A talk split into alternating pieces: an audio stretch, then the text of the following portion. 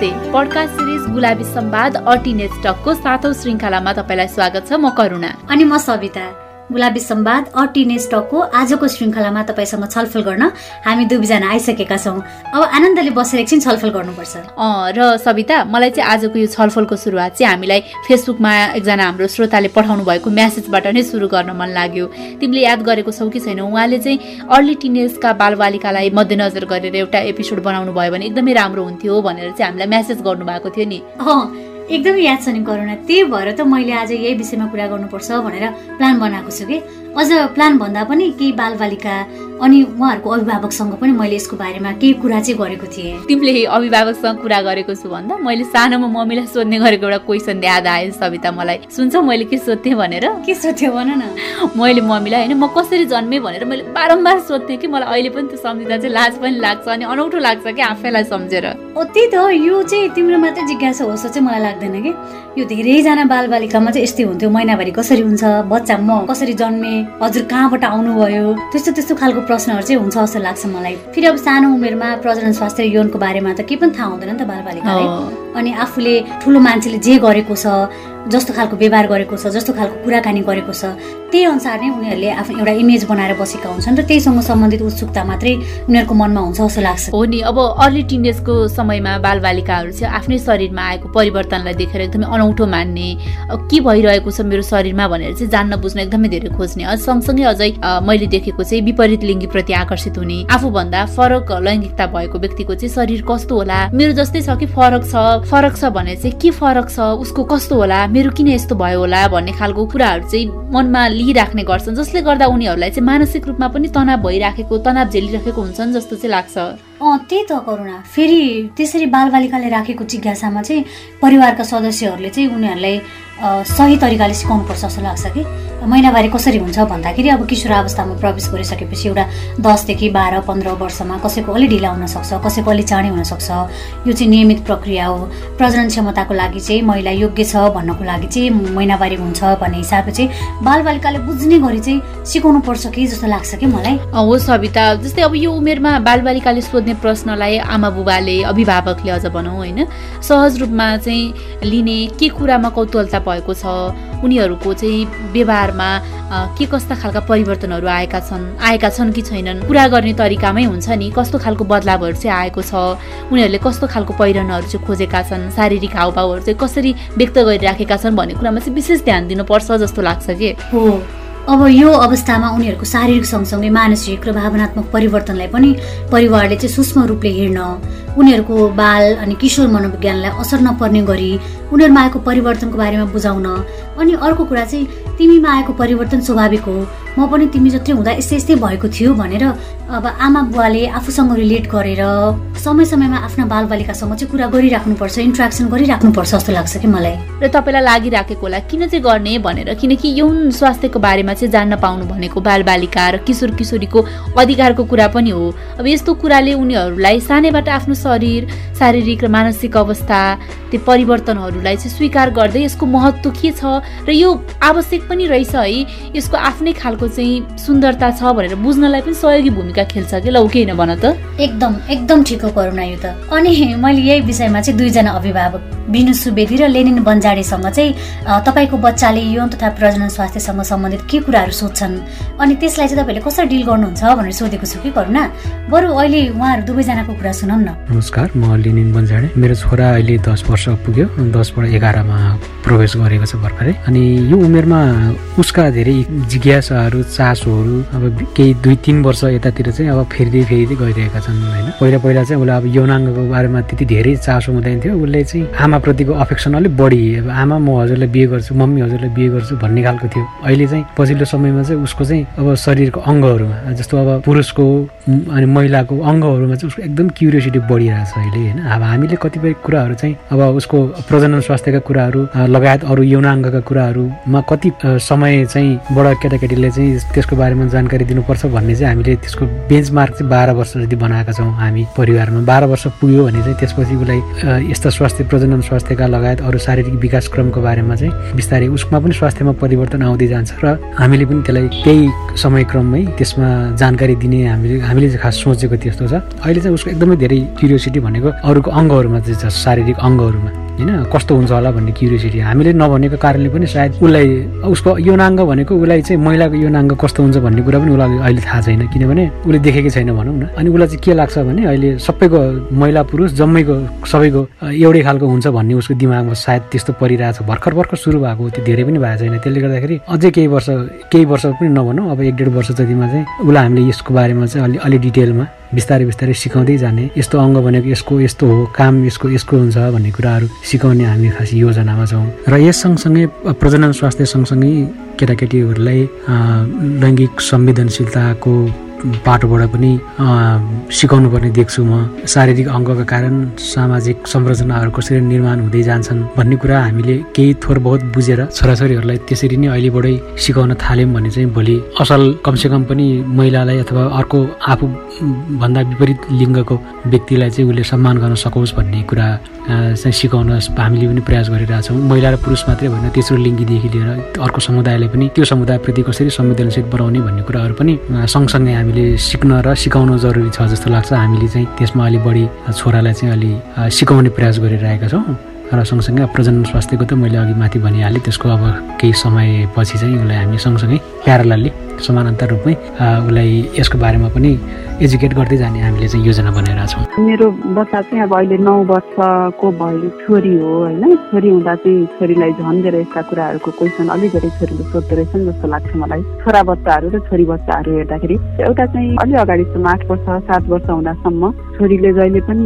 म कसरी जन्मेँ कसरी म यहाँ आएँ कुन प्रक्रियाबाट म जन्मेँ भन हामीले बुझ्ने भाषामा भन्दाखेरि उनीहरूको त आफ्नै खालको भाषा हुन्छ होइन। कसरी चाहिँ जन्मिए भनेर उसले एकदम सोधेको सोधै गर्थ्यो। क्या मान्छे कसरी जन्मिन्छ भन्ने कुरा उसको मनमा लागिरहन्थ्यो। उनीहरूलाई उनीहरूले नै बुझ्ने गरी कहिले स्केच बनाएर कहिले कथा बनाएर होइन बाबा मम्मी भेट भयो अनि त्यस्तो भयो अनि मम्मीको पेट ठुलो हुँदै गयो अनि एक दिन बच्चा जन्मियो भन्दै कथाबाट कि स्केच बनाएर कि कथा बनाएर बुझाउने गर्छु होइन। त्यो पनि अब यौन तथा प्रजननभित्रै पर्ने भएको भएर मैले खालि यो भनेको। अर्को चाहिँ हिजो आज मेरो छोरीले एकदम धेरै सोध्ने क्वेसन भनेको चाहिँ पिरियड मिन्स कसरी हुन्छ?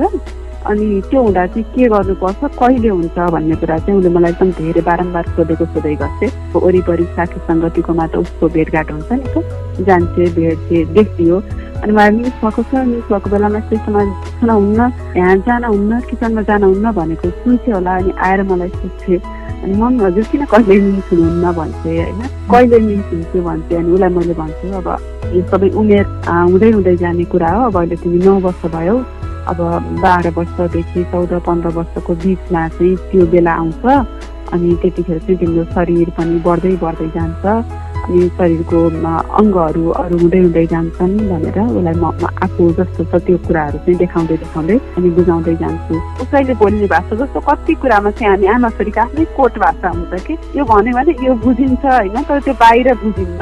स्केचबाट या चित्रबाट अथवा कथाबाट।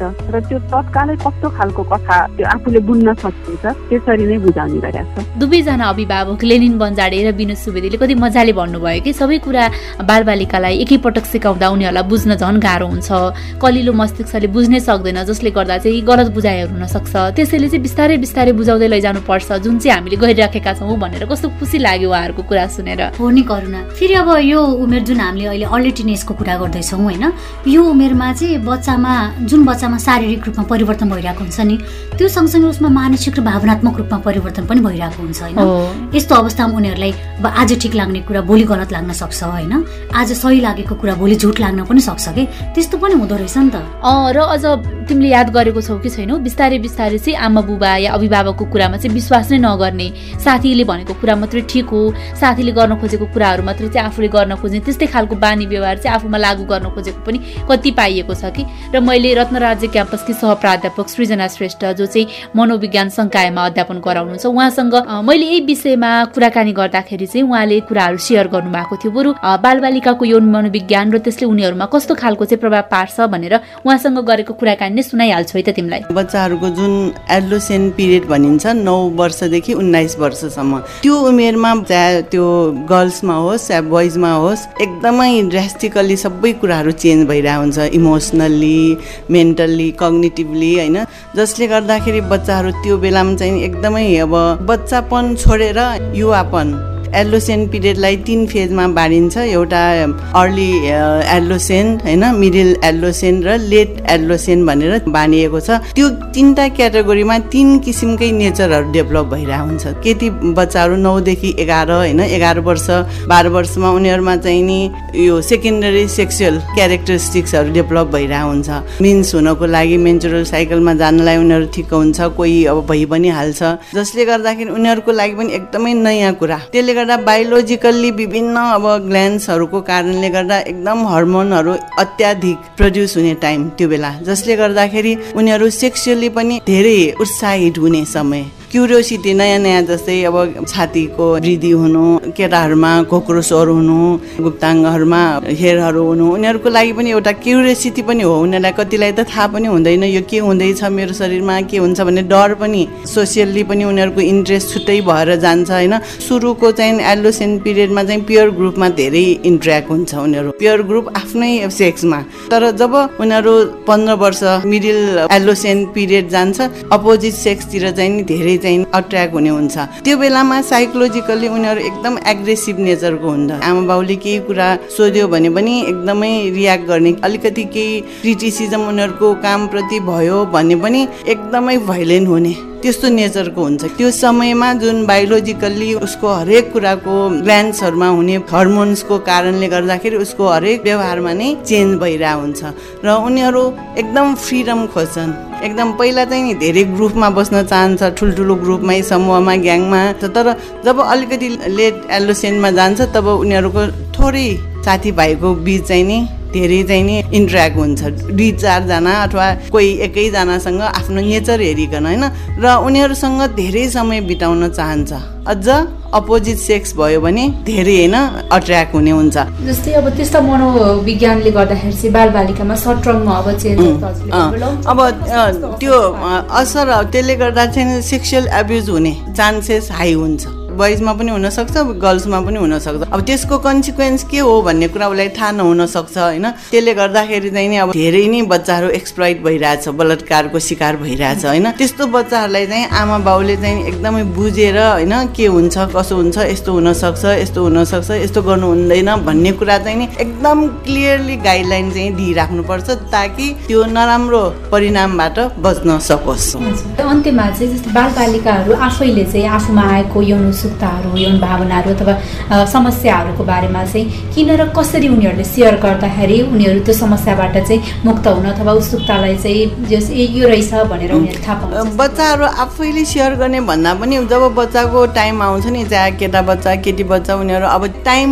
आउनुभन्दा अगाडि सिकायो भने चाहिँ बच्चाहरूलाई अब ए अब अब यस्तो भएको रहेछ यस्तो हो भन्ने कुरा थाहा हुन्छ होला। त्यो उमेर भनेको त एकदमै सेल्फ कन्सियस हुने बेला। कसैले तिमी मोटायो भने पनि कसरी डुब्लाउनु खाँदै नखाइदिने होइन? एकदमै दुब्लायो भने खाएको खाइ गरेर मोटाउनु पर्यो भन्ने अवस्थामा त्यस्तो अब चेन्जेस आउने समयमा आमा बाबु अब घरको को छ अब दिदी होइन? कसले छ त्यसलाई चाहिँ नि अब गाइड चाहिँ गरिराख्यो भने सबभन्दा राम्रो हुन्छ। ठुलो मान्छेले समय भएपछि भनिदिन हुन्छ। अर्को कुरा गभर्मेन्ट लेभलबाट नै हुनुपर्छ यौन शिक्षा भनेको त स्कुल लेभलबाटै राख्नुपर्छ। मनोविज्ञान सङ्कायमा अध्यापन गराउँदै आउनुभएकी रत्नराज्य क्याम्पसकी सहप्राध्यापक सृजना श्रेष्ठले भन्नुभयो जस्तै बालबालिका भन्नाले किशोर अवस्थामा प्रवेश गर्न लागेका तर गरि नसकेका बालबालिकामा सकारात्मकता ल्याउनको लागि परिवारका सदस्यको चाहिँ एकदमै ठुलो भूमिका हुन्छ। जसले गर्दा चाहिँ सही बाटोमा आफ्नो बालबालिकाहरू लागुन्। हो नि र फेरि अब हेर न बालबालिका भनेको त काँचो माटो जस्तै हुन् नि। हामीले उनीहरूलाई जस्तो बनाउन खोज्यो जस्तो आकृति दिन खोज्यो त्यस्तै भन्छन्। जसरी काँचो माटोलाई चाहिँ सुनौलो आकृति दिएर हामीले राम्रो राम्रो भाँडा कुराहरू बनाए जस्तै हाम्रा बालबालिकालाई पनि सुनौलो आकृति दियो भने उनीहरूको राम्रो भविष्य बनाउन सकिन्छ जस्तो लाग्छ। त्यसको लागि त अब सानैबाट नै उनीहरूको वृद्धि विकासमा ध्यान दिनु जरुरी हुन्छ जस्तो लाग्छ कि। खानपान स्वास्थ्य हेरविचारलाई प्राथमिकतामा राखेको जस्तै चाहिँ उनीहरूको यौन स्वास्थ्यको बारेमा पनि ध्यान दिनु उत्तिकै जरुरी हुन्छ जस्तो लाग्छ है मलाई चाहिँ। तिम्रो कुरामा चाहिँ म पनि एकदमै सहमत छु सविता। किनकि अब आफ्नो बालबालिकाको अगाडि सुरक्षित र सभ्य तरिकाले यौन व्यवहार गर्न गलत तरिकाको यौन व्यवहार नगर्नको लागि पनि अभिभावकले चाहिँ ध्यान पुर्याउन एकदमै आवश्यक छ कि? किनकि बालबालिकाको अगाडि जस्तो व्यवहार हामीले गऱ्यौँ उनीहरूले त्यही सिक्छन् त्यही व्यवहारको चाहिँ अनुसरण गर्छन् नि त। हो। अब सानै छ यसले त केही थाहा पाउँदैन भन्ने सोचाइ चाहिँ हामी धेरैमा हुन्छ कि? तपाईँमा पनि छ होला होइन? यदि त्यस्तो सोच छ भने चाहिँ हामी एकदमै गलत छौँ। केही समय पहिलेको कुरा भन्छु होइन? केही समय पहिला चाहिँ आमा बुवाले शारीरिक सम्बन्ध राख्दै गरेको देखेँ कि साढे तिन वर्षकी नानीले होइन? बाबा मामु जस्तै हामी पनि हटघोडा हट खेलौँ न भनेर आफ्नो दिदीलाई चाहिँ जिद्दी गरिरहेकी थिइन् कि? त्यो चाहिँ मैले मेरै आँखाले देखेको छु होइन? त्यो बच्चाले त्यस्तो जिद्दी गरेको अनि आफ्नो दिदीमाथि चढेर चाहिँ हटघोडा हट खेलौँ बाबा मामु त खेल्नुहुन्छ र हामी किन हुँदैन भनेर चाहिँ दिदीलाई उसले एकदमै कर गरिरहेको देखेको छु। कि त्यो भएर चाहिँ उसले उसले त आफ्नो बुवा आमाबाट सिकेको नि त त्यो गलत व्यवहार त होइन त? त्यही भएर पनि अब सुरक्षित यौन व्यवहार गर्न बालबालिकालाई चाहिँ सही जानकारीहरू दिन र समयअनुसार सही जानकारी त दिने तर उनीहरूको उमेर नपुग्दै अथवा भनौँ न उनीहरूले बुझ्न नसक्दै त्यो जानकारीहरू दिँदाखेरि फेरि त्यसले निम्ताउन सक्ने नकारात्मक परिणामहरू पनि धेरै हुन सक्छन् त्यो भएर उनीहरूलाई उमेर अनुसारको उनीहरूको मनस्थिति अनुसारको शारीरिक विकास अनुसारको चाहिँ जानकारीहरू समयमा दिन सक्यो भने चाहिँ उनीहरूले सानैबाट असल यौन व्यवहार असल यौन शिक्षा त शिक्षण नै पछि गएर त्यो कुरा चाहिँ आफ्नो जीवनमा सही रूपमा लागू पनि गर्न सक्छन् जस्तो चाहिँ लाग्छ। एकदम हो करुणा। अब चाहिँ बरु विदाय माग्नुपर्छ होला किन भन्दा समय पनि सकिन लाग्यो। हाम्रो कार्यक्रम रेडियोबाट अनि पडकास्ट इन्टरनेटबाट सुन्दै गर्नुभएको तपाईँ सबैलाई आजको छलफल कस्तो लाग्यो? जस्तो लाग्यो त्यस्तै हामीले भन्नु होला। हामी तपाईँको अमूल्य सुझाव अनि प्रतिक्रिया चाहिँ पुऱ्याएर बस्छौँ है हामी। र कसरी भन्ने भनेर सोचिराख्नु भएको छ भने चाहिँ हाम्रो इमेल ठेगाना रहेको छ Gulabi Sambad at Gmail dot com अनि त्यो बाहेक चाहिँ हाम्रो फेसबुक पेज पनि छ W W W dot Facebook dot com slash Gulabi Sambad यसै गरी Instagram handle Gulabi Sambad Twitter handle tin स्टक वा साउन्ड क्लाउडमा गएर पनि हामीलाई आफ्नो कुराहरू सेयर गर्न आफ्नो सुझाव प्रतिक्रियाहरू चाहिँ दिन चाहिँ सक्नुहुनेछ। त्यस्तै गुलाबी सम्वाद टिन स्टकले उठाउने विषयवस्तु अथवा यौन तथा प्रजनन स्वास्थ्य अधिकारसँग सम्बन्धित विभिन्न सामग्रीहरू चाहिँ हाम्रो ब्लग ठेगाना W W W dot Gulabi Sambad dot blogspot dot कममा पनि प्रकाशित छन्। ती सामग्री पनि तपाईँले पढ्न सक्नुहुन्छ। र तपाईँका पनि त्यस्तै खालका अनुभव छन् त्यस्तै खालका त्यस्तै खालका विचारहरू छन् भने हामीलाई पठाउन पनि सक्नुहुन्छ। र त्यस बाहेक चाहिँ तपाईँले देशभरिका विभिन्न पन्ध्रवटा स्थानीय रेडियो स्टेसनहरूबाट पनि हाम्रो पडकास्ट सिरिज गुलाबी सम्वाद अटिने स्टक सुन्न सक्नुहुनेछ। र तपाईँले चाहिँ अहिले कुन चाहिँ रेडियो स्टेसनबाट या पडकास्ट के माध्यमबाट चाहिँ कार्यक्रम सुनिराख्नु भएको छ त्यो जानकारी पनि हामीलाई फेसबुक ट्विटर वा इन्स्टाग्राममा गराइदिनु होला भन्दै अहिलेको लागि सविता र करुणा दुवैजना विदा माग्छौ नमस्ते। अर्को श्रृङ्खलामा पुनः भेट्नेछौँ।